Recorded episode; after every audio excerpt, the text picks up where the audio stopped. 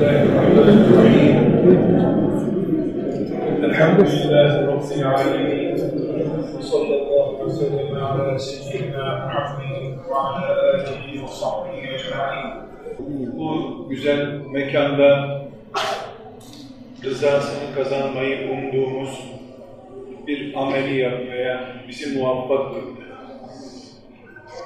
Üzerimizde rızasını kazanmaya yardım edecek bir amel olarak iz bırakacak bir gece olarak kalmasını bize kolay kılsın diye niyaz ederim.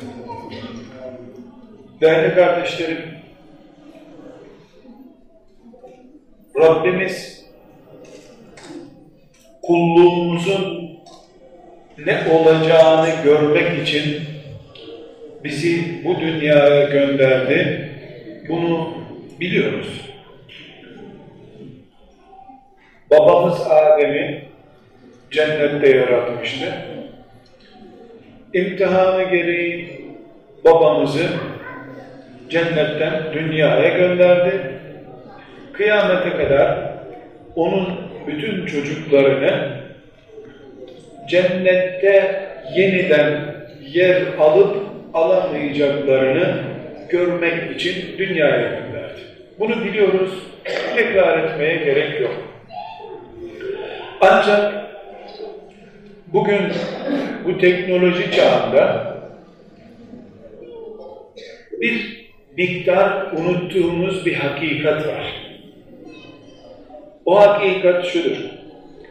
Biz Adem'in çocuklarıyız. Ama Adem'in belki 10 bin sene sonra gelmiş teknoloji zamanında yaratılmış çocuklarıyız. Bizimle bin sene önceki, iki bin sene önceki, beş bin sene önceki Adem'in çocukları arasında göz, kulak, el, ayak bakımından fark yok. Cennet, cehennem açısından da fark yok. Ama imtihan olarak biz bugünün insanlarıyız. Aynı cennete, aynı imanla bugün girmeyi hak edeceğiz biz. Bugünün bizden beklenen Müslümanlığını yakalayamadığımız sürece biz imtihan kazanamayız. Onun için aynı babanın aynı organları taşıyan, aynı cennete koşan, aynı imanla yaşaması gereken ama bu zamanda cennet kazanacak çocuklarız. Biz tıpkı dünkü elbiseyi bugün giyemediği gibi insanlar 10 yaşında kendisine dikilmiş bir gömleği 50 yaşında giyemediği gibi Allah'ın Nuh aleyhisselam zamanında imtihan ettiği imtihanı da bugün beklememelidir Allah'tan. Biz bugünün çocuğuyuz. Bugünü yakalayamayan çok şey yaptığını zanneder ama bir şey yapamadan gider bu dünyada. Bunun için değerli kardeşlerim, bu zamanın namazı bin sene önceki namazdır. Ama bu zamanın imtihanı bin sene önceki imtihan değildir. Bin sene önce sabah namazına kalkmanın engeli akşama kadar tarlada çalışmış yorgun bir vücuttu. Bugün klima yüzünden sabah namazına kalkamıyoruz. Tarlada 50 derece güneşin altında traktörlerin yaptığı işi bugün akşama kadar yapan insan sabah olduğunu bile anlamadan belki yatağında yığılıp kalmış. O yüzden namaz kaçırmıştı. Şimdiki insan hem tarlada çalışıyor, hem güneş görmüyor, hem klimalı bir odada uyuyor ve sabah namazı kaçırıyor. Sabah namazı değişmedi. İnsan da değişmedi. O insanla bu insan aynı ciğerleri kullanıyor. Aynı bedeni kullanıyor. Ne değişti? Şeytanın taktiği değişti. Sabah namazına kaldırmamak için bin sene önce insanları şeytan çok yoruldum. Kalksan da zaten yanlış kılarsın. Biraz daha dinlen sonra kalkarsın demişti. O da biraz daha dinleneyim daha güneş doğmasına var deyip güneş doğduktan sonra uyanmış namaz kaçırmıştı. Bugünkü insana çok yorgunsun diyemiyor. Çok keyifli çünkü nesi yorgun? Klimanın altında uyuyor. Ama buna ne yapıyor? Akşam arkadaşlarla bir çay iç, çoktan görüşmediniz zaten diyor. Gece yarısına kadar muhabbet ettiriyor. Sabah top patlasa namaza kalkacağı yok zaten. Bin sene önce insanlar erken yat, çok çalışma namaza kalkamazsın diye çocuklarını uyarıyorlardı. Şimdi televizyonun başından kalk, yoksa sabah namazına kalkamazsın demeleri gerekiyor. Artık tarla, odun taşımak veya inşaatta çalışmaktan değil, keyiften namaz kaçırılıyor. Bu benzetmeden neyi yakalamak istiyorum değerli kardeşlerim? Bir anne, bir baba bin sene önce çocuğunu namaza hazırlarken, öğretirken başka bir engelle karşılaşıyordu. Bugün başka bir engel var. Bu sadece namaz meselesinde değil, 50 sene önceki insanlar, ekmeğin karneyle İstanbul'da satıldığı zamanlarda yaşayanlar, bir gün doktora gittiğinde, o zamanın moda hastalığı neydi? Verem. Verem, nereden kaynaklanıyordu? Gıdasızlıktan, açlıktan. Gizli açlık verem yapıyordu. Doktor bakar bakmaz senin kanın benzin gitmiş kardeşim. Hiçbir et yemedin diyor. Biraz et yiyin ya, et suyu için biraz. Fakirsen kemik al, kemik suyu iç diyordu 50 sene önce. Şimdi selamun aleyküm doktorun muayenehanesine girmeden et yasak. O yasak, peynir yasak, yasak, yasak, yasak. Yahu ne ettik sana doktor bey dur. Dur biraz ya ne yaptık sana? Yok çok yiyorsun. Önceki doktorlar mı bir şey bilmiyordu?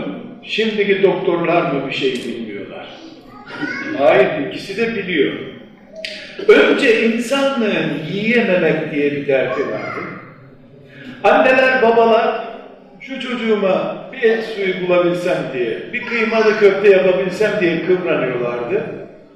O zamanki imtihan buydu. Bugünkü imtihan ise ya ne edip de boğa kadar yemekten kurtuluruz biz diye dertleniyoruz. Bulamamak 50 sene öncenin derdiydi. Şimdi çok bulmak diye bir dert çıktı. Çocuk eve geldiğinde 50 sene önce anne gene bir şey yapmadın değil mi? Biz gene kuru ekmek mi yiyeceğiz diyordu. Şimdi çocuk geldiğinde o gene mi köfte yapmadın? Filanca kızartma niye yapmadın diyor. 150 sene önce insanlar duysalardı ki gün gelecek doktorlar çok yiyorsunuz ölürsünüz diyecek hastalara. Bunu duysaydı 100 sene, 150 sene önceki insanlar, Çanakkale'de can verenler, bir dilim kuru somun ekmekle cephede savaşanlar duysalardı ki gün gelecek çok yemekten patlayacak insanlar. Selamun aleyküm doktor bey çok yeme. Aleyküm selam çok yeme. Doktorların işi gücü yemek düşmanlığı olacak. İnanırlar mıydı? Olur mu? Karnını doyurdun da fazla mı yiyeceksin bir de denirdi. Hayır. O zamanki insanlar bugünün imtihanını anlayamazlar. O gün fakirlik imtihanı vardı, bugün zenginlik imtihanı var. O gün insanlar kaç oğlun var diye sorduklarında ya işte biz geç evlendik, yedi çocuğum var, üçte kız on diyorlardı, utanıyorlardı. Hala on çocuğu var diye. Şimdi ise imtihan değişti. Üçüncü çocuğuna hamile kalan kadın ayıp bir iş yapmış gibi biz gene herhalde üçüncü çocuğa hamile kaldık diye veriyor. Hayat değişiyor. Çocukta da değişiyor. Yemekte de değişiyor. Namazda da değişiyor. Esasda değişen bir şey yok. Bu su küpte saklanıyordu, plastikte saklanıyor. Bir zaman sonra da başka bir şeyde saklanıyor. Ama su sudur. Su sudur. Su hiç değişmeyecek. Rabbimiz bizi imtihan etmek istiyor. Adem babamız ve beş tane çocuğu hanımıyla beraber, Havva annemizle beraber şu koca dünyada imtihan oldular. Adam başına bir kıta düşürdü. Adem'e bir kıta, Havva'ya bir kıta, çocuklarına da birer dönüm değil, birer kıta düşürdü Birer kıta. Avustralya kıtası onun bir çocuğuna düşürdü. Ama bu dünya onlara az geldi, kavga etti, biri öbürünü öldürdü. Şimdi babasından kalmış bir dönüm yere on çocuk kavga etse ne olur? Onlar bir kıtaya kavga ettiler. İnsanın hırsı devam ediyor. Kıtalar dönüm oldu. Dönümler metre olur, kavga yine devam eder. Kardeşlerim, olayın aslını, imtihanın aslını anlayamayanlar, bu imtihanı kazanamazlar. Mağlup olup giderler. Şeytanın tuzağına düşerler. Çünkü şeytan 150 sene önceki teknolojiye göre hileler üretiyor. Bugün o hileleri bıraktı. Bugün köy çeşmesinde köyde çıkardığı fitnenin yerine evimizdeki, cebimizdeki, masamızdaki cihazlardan fitne çıkarıyor. Bugün bizim üzerimize bir vazife düşüyor. Nedir bu vazife? Allah bizi hangi zamanda yarattı bunu anlamak. Bizim zamanımız teknoloji zamanıdır. Bizim zamanımız medya zamanıdır. Biz bu zamanın ümmetiyiz. Bu zamanın imtihanını kazanmak zorundayız. Değerli kardeşlerim, riskli örnekler vereceğim.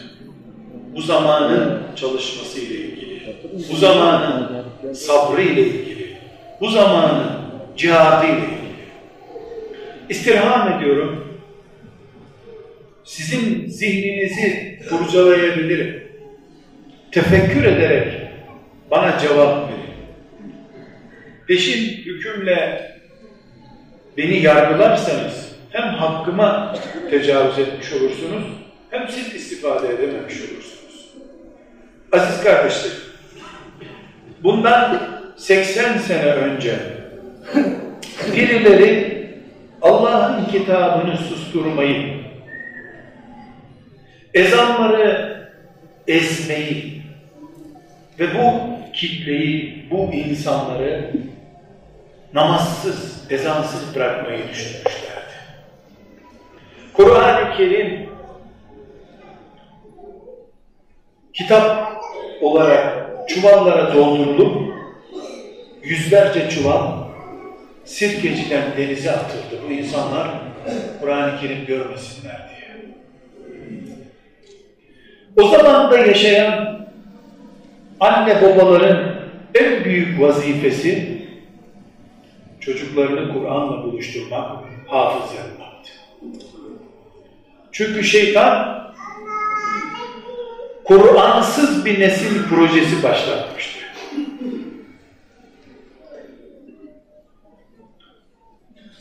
Onu yapanlar zamanının imtihanını kazanacak iş yaptılar.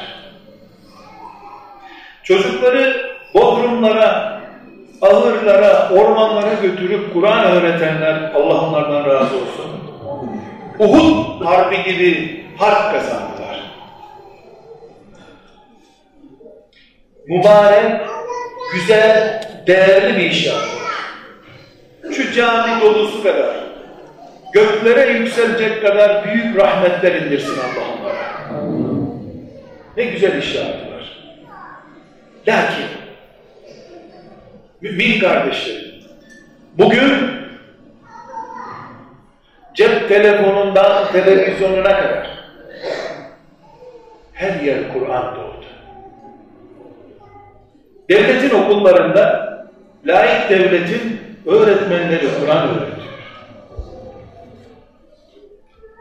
Birinci dereceden sıkıntımız Kur'an değil artık.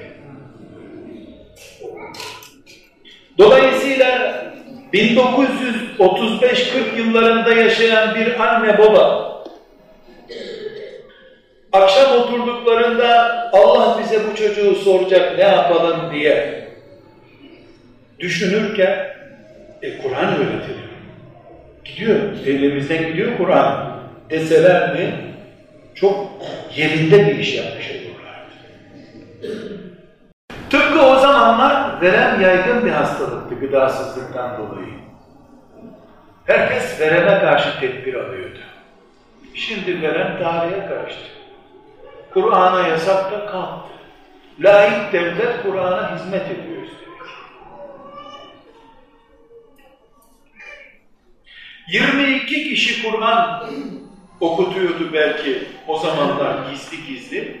Şimdi 22 bin tane Kur'an kursu var. Bu zamanda anne babalar oturup akşam iyi Müslüman çocuk yetiştirmek için bu yaz çocuğumuzu camiye mi göndersek diye düşünseler yanılmış olurlar. O pazar kalktı. Şeytan yeni pazar kurdu. Yeni pazarda ne satıyor şeytan onu bulman lazım. Bu zamanın imtihanı Kur'an'ı kaldırmak değil ki. Bütün Urfa'da yüz tane musaf var mıydı belki şüphelidir. Jandarma hepsini toplamıştı o zaman. Şu caminin kütüphanesinde yüzlerce musaf var şimdi. Bir evde beş tane on tane vardır zaten. Kavga yok. Yorgan gitti, o kavga bitti. Şimdi, şimdi ne kavgası çıktı? Allah var, peygamber var, Kur'an var, ilim var, hafız, hoca ama ümmeti Muhammed'in inanmadığı şeylere inanıyor. Kafa karışmış. Şanzımanı dağınık insanlara.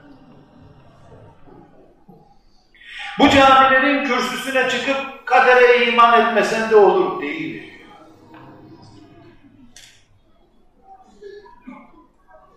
Peygamber aleyhisselam Efendimizin hanımı yanlış yaptı. Kur'an dolu, her yer Kur'an'a. Kapımızda araba var, şanzımanı bozuk. Bu zamanda 15 yaşına gelmiş, daha bıyıkları terlememiş çocuk, bana göre Bakara suresinde eksiklik var. Değil mi. Baba Müslüman, ana Müslüman. Çocuk yazları Kur'an kursuna gitmiş. Çocuk İmam Hatip'e gidiyor. Kur'an'da eksik buldu mucit çocuk. Baba hala hafız yapmaya çalışıyor. Verem gitti. Topluluk hastalığı geldi. Şeker bulaştı şimdi bize. Obozite geldi artık. Verem gitti. Bu zamanın fitnesini yakalayamayanlar Allah'ın rızasını alıp cennete giremezler. Örnekler zikrediyorum kardeşler. Bir örneği daha zikredeyim. Ama başta istirham ettim.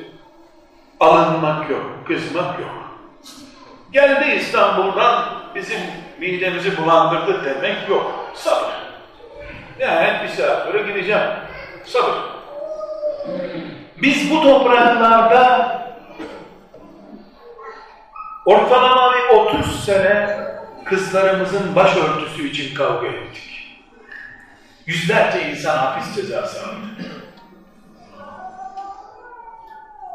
Binlerce kızımız okullardan kovuldu. Devlet dairelerinde, hastanelerde tedavi edilmediler başları örtülü. Biz başörtüsü diye bir savaşa tutuştuk. O zaman herhalde önümüzdeki imtihan buydu, veren gibi. Kur'an öğretmek gibi. Sonunda bu savaşı kazandık. Birdenbire savaş bitti. Başı örtülü kızlarımız oldu elhamdülillah. Okullarda, dairelerde, her yerde. Başı İslam örtülü, pantolonu Amerikan kovboy çobanı. Kazandık mı savaşı yoksa Çanakkale'de gemisini batırdıklarımız uçakla İstanbul'a iniş mi yaptılar?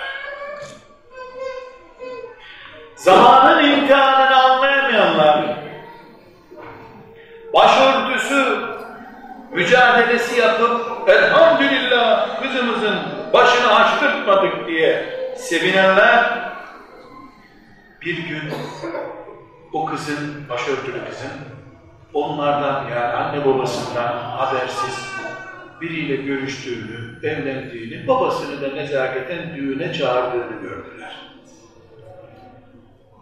Buna da İmam-ı Azam alet ettiler. İmam-ı Azam caiz diyormuş. Dediler. Örttük başörtüyü, çiğnedik anayı babayı. Ne kazandık? Ne kazandık?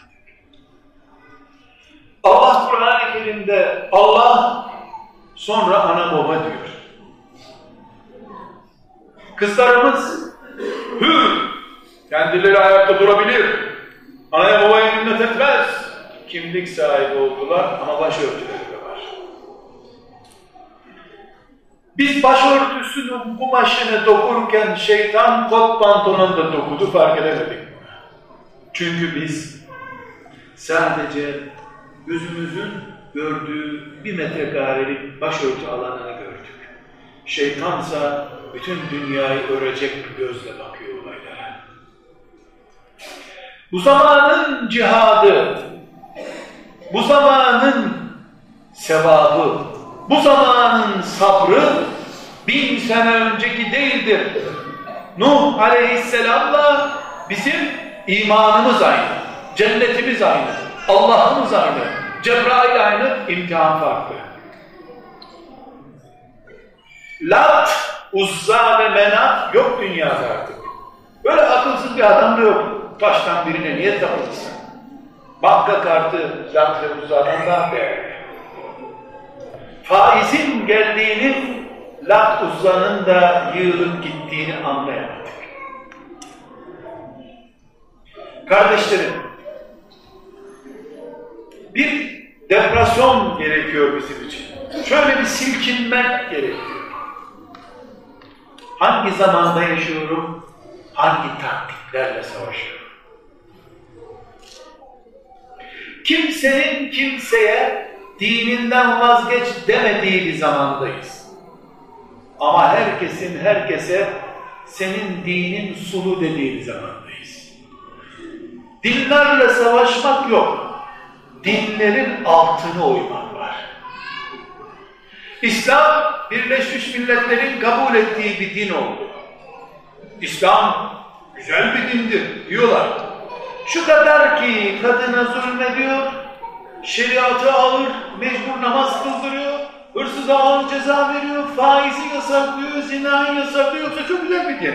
Bunlar da olmasa var ya, bütün dünya Müslüman olacak. Bütün dünya Müslüman olacak. Bir hürriyeti, parayı vesaire işte birkaç şeyi etkiliyor. Paraya karışmasa, namuslu olmak zorundasın demese, ne meleklerin dini mübarek.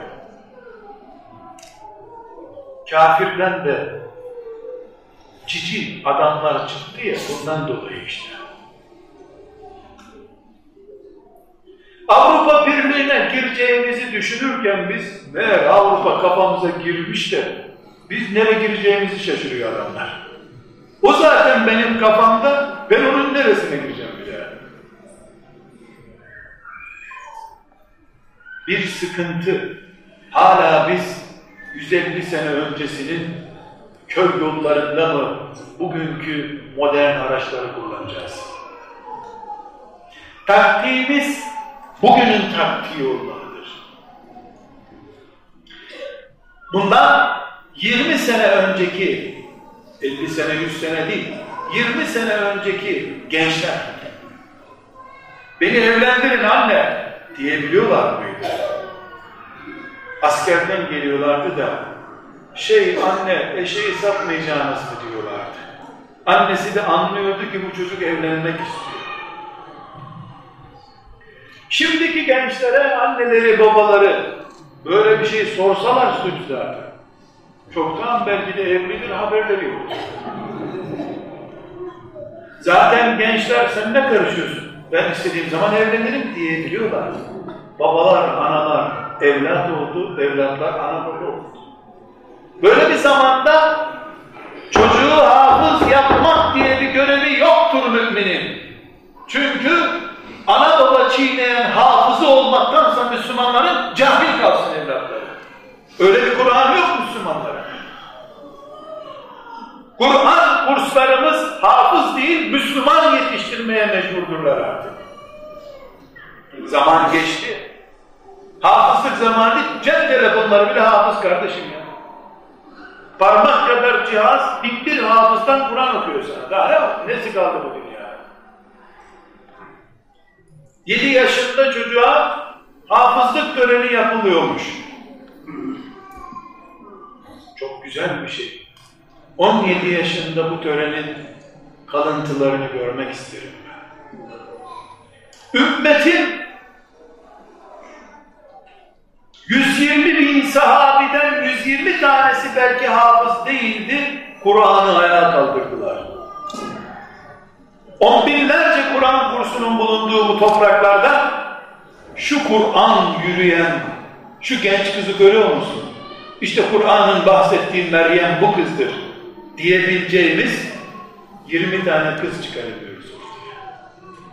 Çünkü biz hala Kur'an yasak, muhakkak bir çocuğa Kur'an öğretelim diyen anlayışla yaşıyoruz. Halbuki Kur'an yasak değil. Laik bir devlet yüz binden fazla insana maaş veriyor Kur'an öğretin diye. Enayi bir şeytan Kur'an'la uğraşacak şimdi. Okuyun, hepiniz sabaha kadar okuyun. Hiçbir zarar yok şeytan için. Herkes hafız olsun.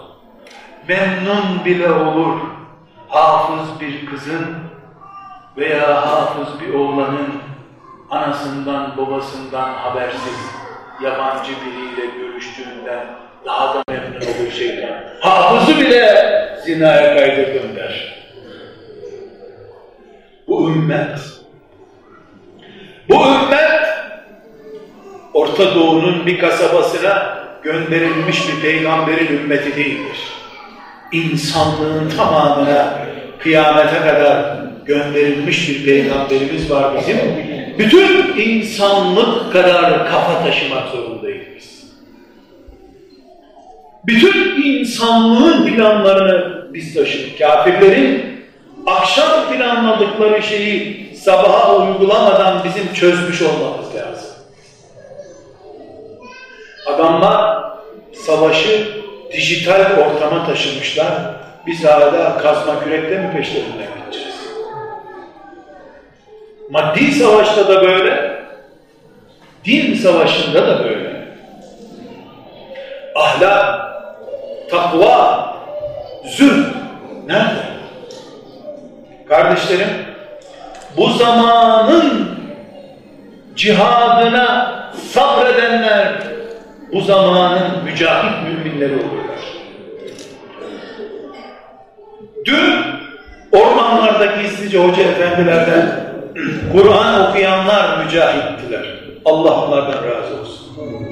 Bugün, bugün televizyonu ve bilgisayarı kapatmaya vakit bulup ya da cesaret edip çocuğuyla Allah'ın dininden bir şey öğrenebilenler mücahittirler.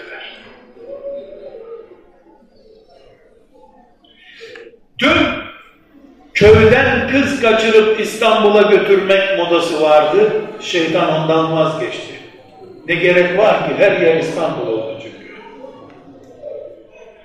Evinde otururken bir kızla öbür evinde otururken bir delikanlıyı cep telefonundan konuşturuyor zaten. Bu ümmet cep telefonunda da ahlak standartını yakalamadığı sürece bu zamanın ahlakını ve cihadını yapamamış, sabrını gerçekleştirememiştir. Kızına ve oğluna bu müstehcenlikle insanların önüne çıkamazsın. Köyün çeşmesine gidiyorsun sen, peştemalin üstünde değil. Ne yapıyorsun kızım? Diyen anne babalar. Bugün Facebook sayfasındaki resmini niye koydun kızım demiyorlarsa bu zamanın derdini anlamamışlar demektir. Çünkü şeytan bu zamanda köy çeşmesinden kız kaçırtmaktan vazgeçti. Twitter üzerinden kaçırtıyor. Benim dedem hala köy çeşmesinde elinde sopayla bekliyor kızlar yanlış iş yapmasın diye. Köy çeşmesi kurudu dede. Köyde su akmaz oldu. Hangi çağdasın sen? Hacca giderken uçakla gidiyorsun, çoluk çocuğunun ahlakını at arabasıyla koruyorsun. Yaşadığımız çağı bilemezsek biz neye benzeriz biliyor musunuz? Şimdi akşam namazı vaktindeyiz. Sabahleyin kalkmak zor. Şimdiden sabaha kılıp yatalım. Nasıl proje? Gündüz işim olur, ben şimdiden öğleyi kılayım. Var mı böyle bir şey? Hayır. Sabah namazı sabah vaktinde namazdır. Ondan sonra bir şey değil artık. Ondan önce hiç değil zaten. Ramazan'da çok sıcak olacak, bu baharda orucu tutsak ne dersiniz? Üç ay önce olsa ne olur yani? Neden oruç bir ay önceye gelmiyor, bir ay sonraya gitmiyor da çocuk eğitimimizi biz bir asır önceki kafaya göre, bir asır önceki anlayışa göre yorumluyoruz veya kendimizi, ticaretimizi, ahlakımızı bir örnek daha zikrediyorum kardeşlerim. Umre ve hac Allah'ın şeriatının en önemli ibadetlerindendir. Hele hac farz olduğu zaman eşi benzeri yoktur. Hac bu. Beşte biri İslam'ın anandan doğduğun gibi tertemiz melek gibi geri geliyorsun. Hac. Ama bir dakika. Bu hacca bu şekilde iman ediyorum ben. Etmem gerekiyor. Benim 20 yaşında kızım, oğlum benim sorumluluğumda ve henüz evlendiremedim. Ufak tefek de istihbarat alıyorum ki bu çocuğun kaçamak bir işi var herhalde. Takip ediyorum, bulamıyorum. Genç kurnaz kaçıyor da. Bir de Twitter üzerinden yapıyor yaptığını. Nereden bulacaksın ki? Benim de malım var, servetim var, hacca gitmem gerekiyor. Alimallah, alimallah. On sene haccı ertelerim, yeter ki çocuğumun iffetine leke gelmesin. Zinakar bir kızın, çocuğun, oğlanın babası olarak dirilmektense zina ihtimalinden dolayı haccı bile on sene ertelemiş basiretli bir mümin olarak dirilmek isterim Allah'ın huzurunda. Zamanımı anlamam gerekiyor benim. Ailece toplanıp umreye gidin. Ne güzel buralar, vay Kabe'nin rengi ne güzel diyemektense orada çocuklarıma ahlak şuuru veremeyeceksem toplarım çocuklarımı yaylaya giderim sabah namazına cemaatle kalkarım orada çocuklarıma aile ana baba şuuru vereceksem 50 sene umreye gitmem yaylada geçiririm günümü. Çünkü 50 sene 70 sene umreye gitmesem Allah bunu bana sormuyor. Ne yapayım? Ama ahlaksızlığa bulaşmış çocuğu benden soracak Allah. Çocuğumu risk ortasında bırakıp umrede oyalanırsam kıyamet günü umreden ahvah ederek cennete giremem ben. Cehennem çukuru karşımda durur o zaman. Bu çağda yaşıyorum ben. Ne dedik? Veren gitti. Opozite geldi. İnsanlar artık kolesteroldan dolayı hasta oluyorlar. Çok yağdan dolayı. Selamun aleyküm diyorsun doktora yağ yeme, peynir yeme. Ya ne yiyeceğiz doktor? Ot ye. Koyunun yediğini yediğini de slogan üretmişler. Neredeyse meralara salacaklar bize. Sağlıklı nesil olalım diye.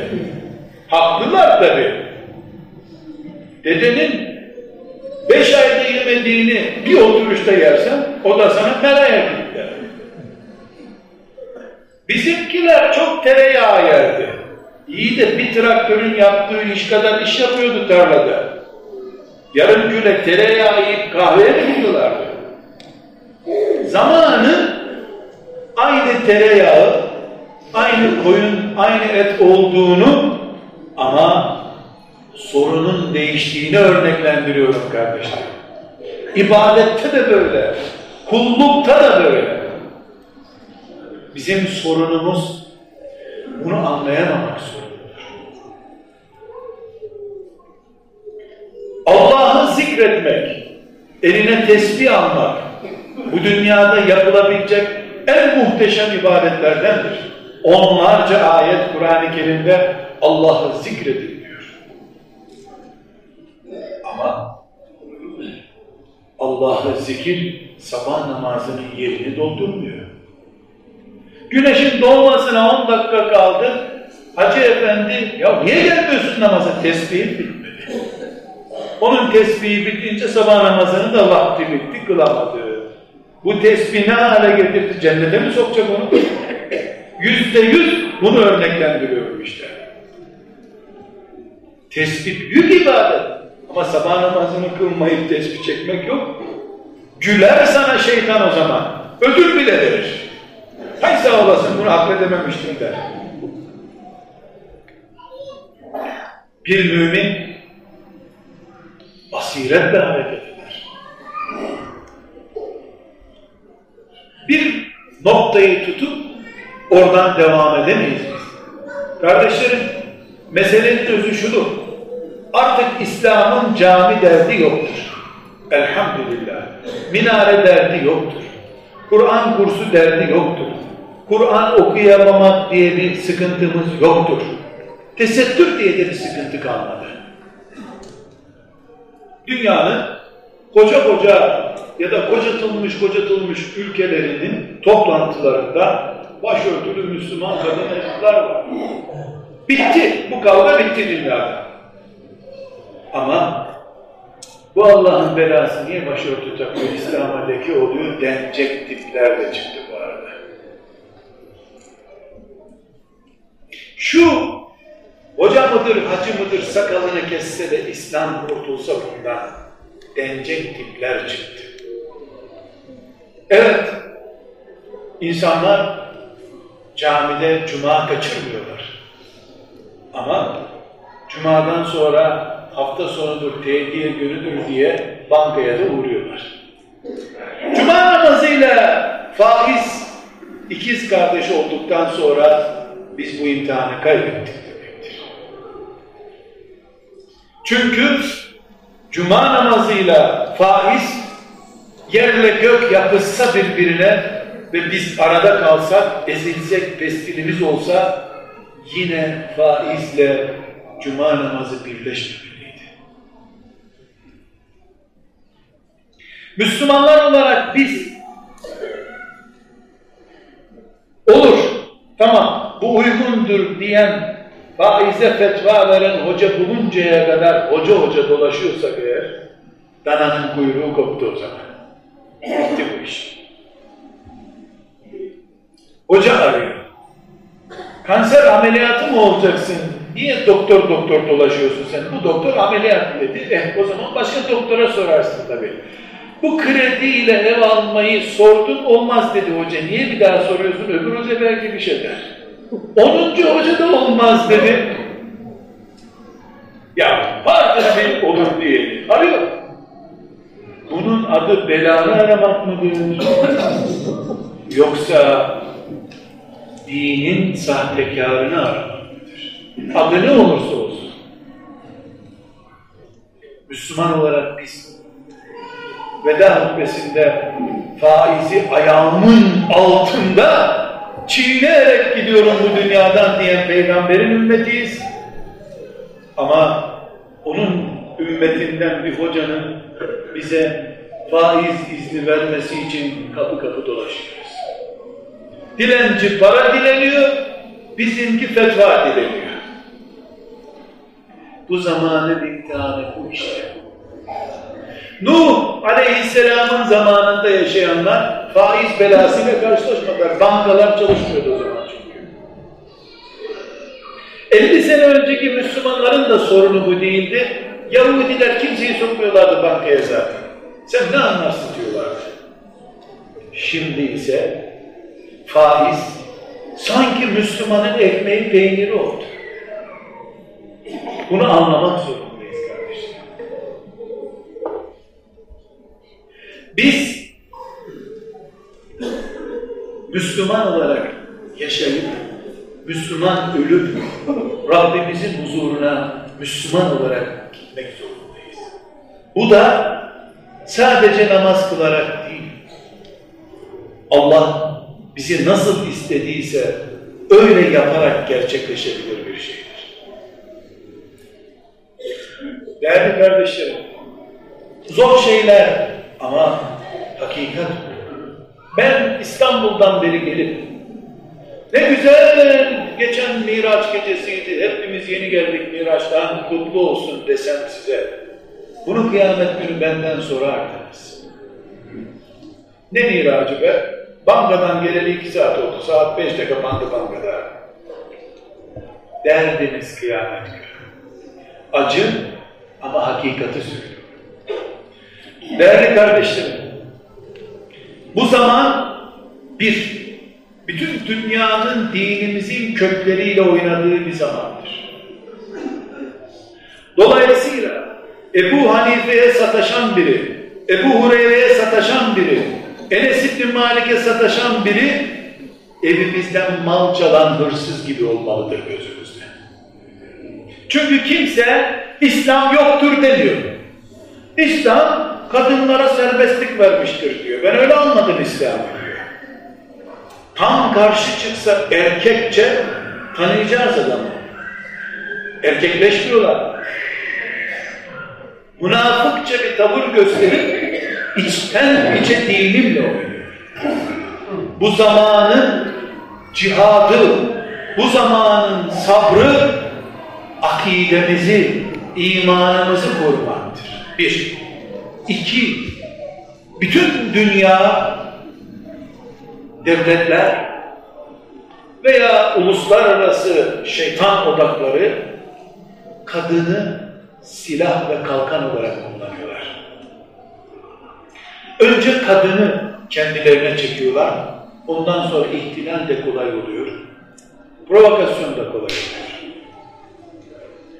Dolayısıyla bu zamanda çocuklarımızı, ailemizi ve onlardan da önce kadınlarımızı, kızlarımızı Allah'ın iyi kulları olarak yetiştirmek zorundayız. Hepimiz kız çocuğumuz olsun ve kız çocuğunu Resulullah'ın ümmeti olarak yetiştirelim diye öncelikli planlar yapacağız. Sevgili Peygamber aleyhisselam Efendimizin bir hadisi hepimizin gözünde ışık olacak. Ne buyuruyor? Sizden kim? Sizden bütün babalara, annelere söylüyor. Sizden kim? Üç kız çocuğunu yetiştirir, evlendirirse ona cennet sözüm olsun diyor. Kardeşlerim, Efendimiz üç oğlan çocuğu hiç dememiştir hayatında biliyor musunuz? Hatta bir hadisinde çocukların arasında taraf tutmayın diyor. İlla taraf tutacaksanız kız çocuğunu tutun diyor. Çünkü Efendimiz de biliyor ki bu ümmetin yükünü arşa kadar kaldırabilecek olanlar kadınlardır. Erkek işi değil bu iş. Peygamber olmadığı halde Kur'an'ın övdüğü tek bir erkek yoktur. Ama Asiye ile Meryem'i övüyor Allah. Tahrim suresinde. Örnek onlardır. Erkekler alınır mı alınmaz mı bilmem ama Allah'ın örnek gösterdiği iki tane kadındır. O zaman hiç pazarlığa gerek yok. Bütün servetimiz, emeğimiz, enerjimiz kız çocuklarımıza yığılmalıdır. Ve aramızda itiraf etmemizde sakınca yoktur ki kadınlarımız kaç puansa biz de o kadarız aslında. Abartmaya gerek yok. Senin sakalının uzunluğunu değil, kadının takvasının uzunluğunu ölçek. Çünkü kadınlar üzerinden şeytan proje yürütüyor. Erkekler olarak biz bir tekkede oturup zikir çekerek bu açığı kapatamayız. Sen tarlada ister mercimek ister nohut ek. Kadın ne pişiriyorsa onu yiyeceksin çünkü. Erkeklerin faaliyetlerine yoğunluk verelim şüphesiz. Ama başarımızın kadınlar üzerinden ölçüleceğini unutmayalım. Biz ümmeti Muhammed'iz. Bütün çağların diniyiz. Bütün çağlar demek her gün bir yeni bela demek. Yeni bir fitne demek. İşte şimdi karşımıza şeytan kadını çıkardı. Kadının bu kadar güçlü olduğunu kimse bilmiyor. Araba lastiği satmak için bile kadın gerekiyor. Araba satarken de kadın satıyor arabayı. Kazak satarken de o satıyor. Ticarette güçlü, siyasette güçlü. O çıkınca meydanlara daha çok oy topluyor. Her yerde güçlü. Şeytan siyasette, ticarette, ekonomide, Birleşmiş Milletler'in temel politikalarında kadını öne çıkarıyor. Faaliyetlerinin yüzde yetmişini kadın üzerinden yapıyor. Müslümanlar Urfa'da çalışma yaparken erkekler arası dayanışma derneği kuruyorlar. Efendi bu yarış, şu yarış, şu meydanda yapılıyor, sen burada koşuyorsun. Burada yarış kazanamazsın ki. Mardin'de bir yarış yapılıyor, sen Urfa'da koşuyorsun. Geçeceğim onları diyorsun. Yarış meydanına git bir defa. Bütün dünya kadın üzerinden çalışıyor. Müslümanlar kadınlarını asiyeleştirmedikçe bir şey elde edemezler. Tesettür demiyor. Asiye tesettürlü bir kadın değildi. Namaz kılan bir kadın da değildi Asiye. Meryem namaz kılan bir kadın. Asiye ne namaz kılıyorsun ki? Bir kere Allah dedi, zaten öldürdü onu Firavun. İki kere Allah demeye bile fırsat bulamadı. Elbette tesettür dinimizdir bizim. Namusumuzdur bizim. Ama beş metre bez dinime yetmiyor. Kalpleri de tesettürlü. Allah'a, Allah'ın şeriatına kurban olmaya hazır kadınlardan söz. Evlendikten, yaşlandıktan sonra örtülmüş. Allah kabul etsin deriz. Başka diyecek bir şeyimiz yok bizim. Piyasa nasıl çalışıyor onu konuşuyor. Ve kardeşlerim bu zamanın en büyük cihadı nedir sorunca karşımıza çıkan sabır meydanlarından birisi karı kocaların birbirine sabrıdır. Ben size bir örnek vereyim. Ya da bir soru sorayım. Kardeşlerim, Kur'an-ı Kerim'imizde 25 peygamberin hayatı anlatılıyor. Bu hayatları şu tarihte doğdu, şu tarihte öldü şeklinde değil. Kimi uzun uzun, kimi kısa kısa bir iki cümle anlatılıyor. Bir hafız kardeşimiz bu ayetleri toplasın. Başlıklandırsın bu ayetlerde peygamberin müşriklerle, kafirlerle mücadelesi kaç başlık olmuş? Özel hayatları, ibadetleri, namazları, cihatları kaç başlık olmuş? Yani kaç ayeti işgal etmiş? Hanımlarıyla ilişkileri kaç ayeti işgal etmiş? Dikkat ediniz. İslam'ın 21. asırdaki sorunları diye bir başlık koyalım biz buraya. 21. asırda iyi Müslümanın ne dertleri var desek, 124 bin peygamberin gündeminden başka bir gündemimiz olmaz herhalde değil mi? Bu 124 bin peygamberin özetini başta peygamber efendimiz olmak üzere, başta peygamber efendimiz olmak üzere 124 bin peygamberin Kur'an-ı Kerim'de anlatılan işte bin ayet var diye. Bu bin ayette neler anlatılıyor? Başta peygamber efendimiz olmak üzere. Arkadaşlarım, dostlarım, mümin kardeşlerim, dava kardeşlerim. Bu zamanı konuşmak için Adem Aleyhisselam'dan beri gelen bütün zamanların özetini konuşalım. Göreceğiz ki Adem'den itibaren Kur'an'ın anlattığı peygamberlerin hanımlarıyla ilgili sorunları kafirlerle anlattıklarından az değildir. Yüz ayet var. Bunlardan kırkı müşriklere şöyle yaptı, böyle yaptı diyorsa 45'i de hanımlarıyla böyle oldu diyor. Başta Peygamber Efendimiz bakınız. Çünkü peygamberleri tanıtırken Allah eşleri olan, çocukları olan kimselerden peygamber yaptık. Sonra da o peygamberlerin eşleriyle ilgili siz Urfalı değil misiniz Allah aşkına ya? E, Eyüp Aleyhisselam'ın komşusuyuz deyip duruyorsunuz bana. Bugün kaç kişi bana Eyüp peygamberin mağarasına gidelim dedi. Ben de Eyüp peygamberle beraberim zaten ne edeceğim mağarasında. İbrahim Aleyhisselam'ın komşusu değil misiniz siz? Hanımlarından çektiğini bilmiyor musunuz? Peygamberlik bile yapamaz insan kadın imtihanından geçmedikçe. Kur'an, Kur'an Tahrim suresi ne anlatıyor? Ahzab suresi ne anlatıyor? İki sure Kur'an-ı Kerim'de Efendimizin hanımlarıyla mücadelesini anlatıyor. Analarımızı anlatıyor. Dolayısıyla kardeşlerim, bu zamanda biz tesettürlü kadınlarla evlendik. Onlar da sakallı erkeklerle evlendi.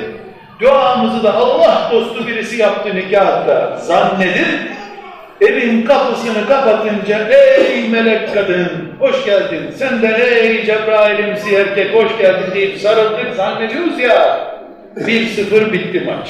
Şeytan kazandı. Şeytan kazandı bu maçı. Hayır. Sen büyük adamlara dua ettirdikçe daha kalın kıyafetlisini aldıkça, sakalı daha uzun evlendikçe şeytan da ona göre daha profesyonel görevli göndermiştir. Çünkü sen at arabasıyla gitseydin 100 kilometrede bir kaza ihtimalin var. Kamyonla gitsen 50 kilometrede iki kaza ihtimali olur. Ama sürat arabasıyla gittin mi ölümle burun buruna gidersin. Allah'a gidilecek en kestirme yollardan biri evlilik yoludur. Evlerimiz bu yüzden kıblegahımızdır bizim. Kur'an öyle diyor, Kur'an böyle diyor. Evlerinizi kıblegah yapın diyor. Ardından da namaz kılın, Allah'ın müjdesini bekleyin diyor. Sadece namaz kılanlara Allah'ın müjdesi yoktur. Bu ayete göre. Namaz kılmadan önce cami gibi evin olacak. Yani kubbeli bir ev demek değil. Ruhu cami ruhu olacak o evin. Yatak odaları Ramazan gecelerine denk kutsallıkta olacak. Bu zamanın imtihanını yakalamak için. Kardeşlerim, hocalara şöyle hocayla baş başa kalınınca, hani kalabalık olmayan yerlerde sorulan kritik sorular vardır. Onu soran adam kimse duymasını da ister. Bu sorulardan bir tanesi, Kandil gecelerinde ailemizle ilişkimiz caiz midir? Günaha girer miyiz? Çocuk felçli olur mu? Sorusudur. Kandil gecesi hangi gecedir? İşte Mevlid kandili ve kandil gecelerinin en orijinali de Kadir gecesi. Kadir gecesi ne zaman? Ramazan gecesi. Hangi gecesinde? Bize göre 27, ashab-ı kirama göre Mevlid gecesinde. Bunlar teknoloji bilmedikleri için 27'yi takvimlere yazamamışlar. Ama biz bulduk, becerdik gizli dosyalardan 27 olduğu garanti oldu. Her gece Kadir Gecesi'dir. Kur'an'ımız ne diyor? Müslüman hocayı bulunca işte biz Kandil Gecesi bir yanlışlık yaptık, çocuk feşli olmaz değil mi hocam? Diyor ya, bu zamanın sabrını, bu zamanın kulluğunu, bu zamanın cihadını, bu zamanın imtihanına hazır mümini konuşuyoruz. Kur'an-ı Kerim'de Bakara suresinde ne diyor? Ey Peygamber! Sana biz Allah'a nasıl dua edelim diye soruyorlar. De ki Allah onlara pek yakındır. Nasıl dua ederse etsinler ben onları duyarım. Şimdi sonra ey müminler Ramazan geceleri hanımlarınızla cinsel ilişkiyi size Allah helal etmiştir. Onlar sizin gömleğiniz gibi siz de onların gömleğisiniz. Gündüz oruç tuttuktan sonra gece bakın keyfinize kullanın. Allah diyor Kur'an'da. Kur'an'ında Allah kandillerin en büyüğü olan ve gerçek kandil gecesi olan Kadir gecesinde ne yapacağını soran müminlere biz nasıl dua edelim bu gece ya Rabbi Ramazan gecesini diyenlere girin yatağınıza Kur'an kardeşim, Kur'an İmam Gazali'den bir menkıbe nakletmiyorum burada. Allah'ın kitabından konuşuyoruz. Müslümanlığımız çok önemli. Şimdiki Müslüman da kandil gecesi şu haram mı bu helal mi diye niye uğraşıyor? Aziz kardeşlerim. Çünkü şeytan bütün köpekleri saldı, taşları da dağladı. Akşama kadar iş yerinde, sokakta, caddede insanları şehvetini kudurtacak hale getiriyor. Akşam eve gidince de cuma akşamı. Dikkat et. Cuma akşamı. Öbüründe cumaya hazırlık akşamı. Pazartesi de oruç tuttuk, bitkindik. E şimdi kandil akşamı, bu sefer de Ramazan, bayram derken sokaklar delirtiyor, ev sansürlü. Allah ise sokaklarında Cebrail'in dolaştığı Medine'deki müminlere evlerinizde Ramazan gecelerinde rahat edin. Bu çapraz boyutu şu cami-i şerifte açmayıp da ne edelim kardeşler? Buradan evlilik hayatımıza bir boyut getirmek istemiyorum ben. Yani evliliğimiz böyle olsun diye bir tarif yapmıyorum. Her yerde her zaman konuşuyoruz zaten. Kadın ve erkek birbirlerinin itfaiyecisidirler. Yanan bir erkeği, yanan bir kadını söndürmeyen herkes suçlu itfaiyecidir. Hesabını verecek kıyamet. Tutmadığı orucun da hesabını verecek, kılmadığı namazın orucun da hesap verecek. Bu adamı, bu kadını niye ihmal ettin diye de hesap verecek.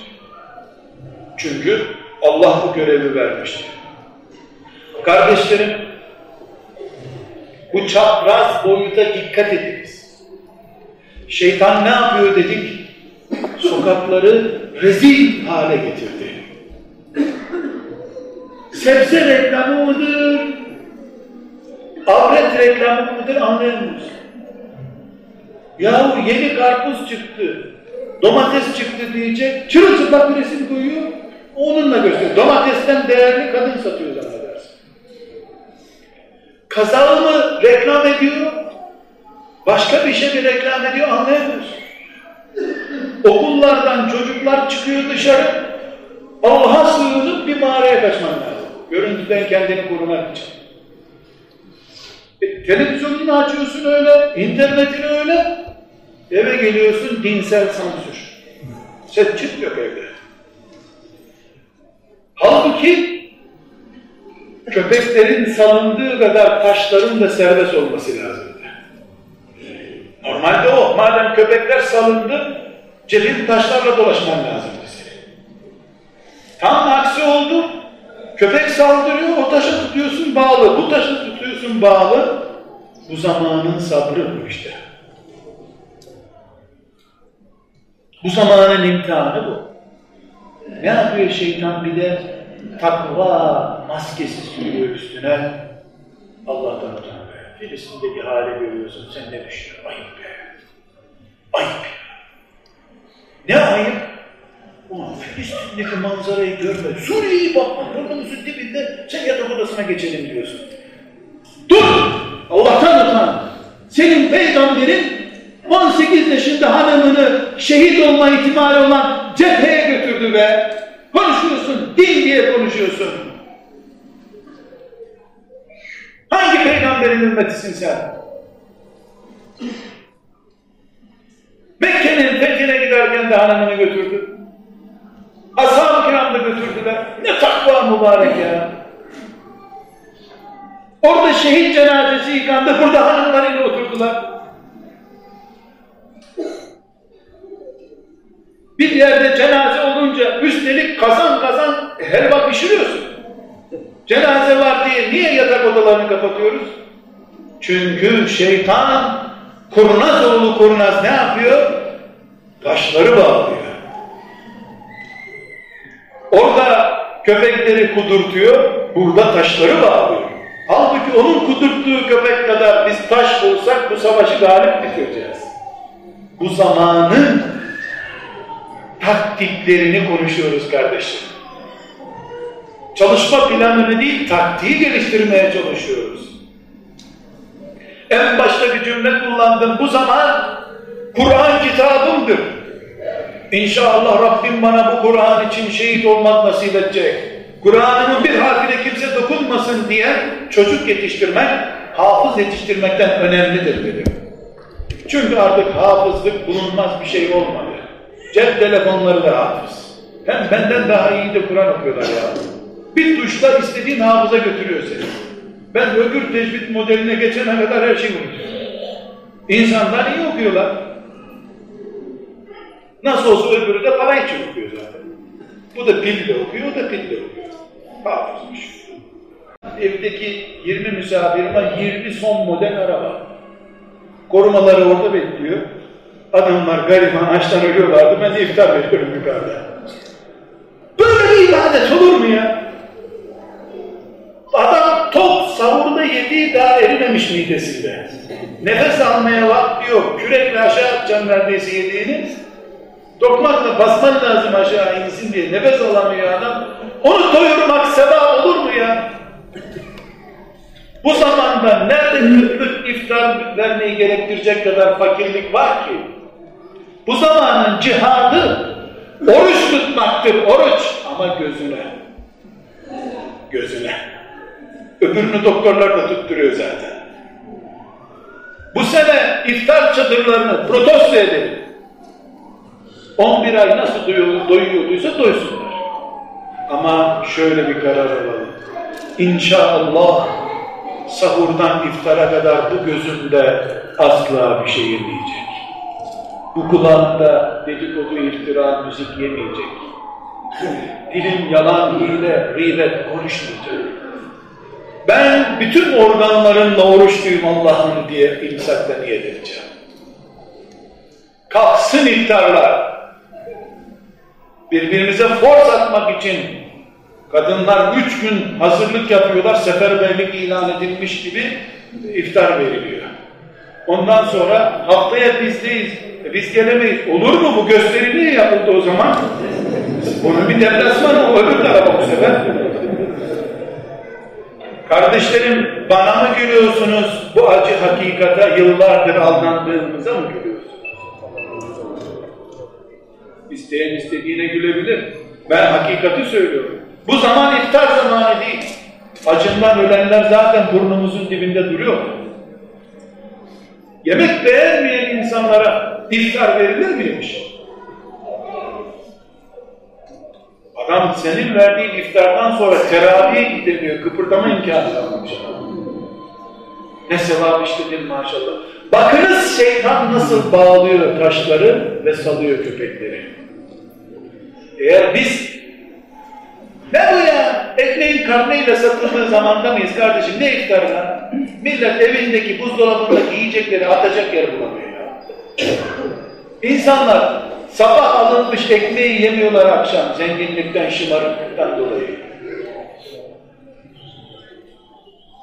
E ne, ne yapıyoruz biz? Kendi kendimizi aldatıyoruz o zaman kardeşim. Bu zaman iftar zamanı değil. Bu zaman oruç tutma zamanıdır. Çünkü mideni aç bırakıyorsun, gözün doyuyor. Üstelik de bir şey yiyip içemediğin için bari televizyonun karşısına geçeyim diyorsun. Oruç televizyona kurban gidiyor. Hakikatler acı olabilir. Ama adı hakikat kardeşler. Bu söylediklerim hepimiz için geçerli değil şüphesiz. Ama A senin için, B benim için, C maddesi öbürü için geçerli. Hepimizin bir yerden bir yarası olabilir. Tekrar özetliyorum kardeşlerim. Ümmeti Muhammediz biz. Binlerce derdimizin olmasında hiçbir sakınca yok. Çünkü biz insanlığın diniyiz. Kasaba dini değiliz. Uzayda ibadet yapmıyoruz. Dünyada yapıyoruz. O zaman biz kulluğumuzu en iyi standartlarda yapacağız. Şeytan bizi nereden gıdıklıyorsa gıdıkladığı yerden kendimizi kollayacağız. Boynumuzu ezmek istiyorsa boynumuzu koruyacağız. Ayağımızı kaydıracaksa ayağımızı, ailemizi sarsacaksa İsrail'e lanet bile etmeye vakit bulmayacağız. Çünkü İsrail'den beter bir düşman şeytan benim evimi berbat ediyor. Beni Allah belki İsrail'den sormaz ama muhakkak evimden soracak diye düşüneceğiz. Bu cihattır. Bu zamanın cihadıdır. Bu zamanın sabrıdır. Bu zamanın imtihanıdır. Bunu kazananlar Allah'ı kazanacaklar. Rızasını kazanacaklar. Öbürleri de iftar verdiklerini zannedecekler. Ziyafet olarak karşılarına çıkacak o. Melekler de bu arabasına park yeri bulamayan adamlara verdiğiniz ziyafet diye başlayacak. O ise Enes İbni Malik'i doyurmuş, Ashab-ı Suffa'dan 70 kişi doyurmuş zannedecek kendisini. Şeytan kurnaz. Biz saf davranamayız. Biz de kurnaz olmak zorundayız. Yarış nerede yapılıyorsa oradayız. Tuzak nerede kuruluyorsa oradayız. Aksi takdirde kıs kıs gülen şeytan bizi perişan edecek. Allah yardımcımız olsun. Gençlerimizin, ihtiyarlarımızın, kadınlarımızın, erkeklerimizin himayecisi olsun. Bu büyük zaferi kazanmayı ve bu büyük zaferle Rabbimize kavuşmayı hepimize nasip etsin. Velhamdülillahi Rabbil Alemin. El Fatiha.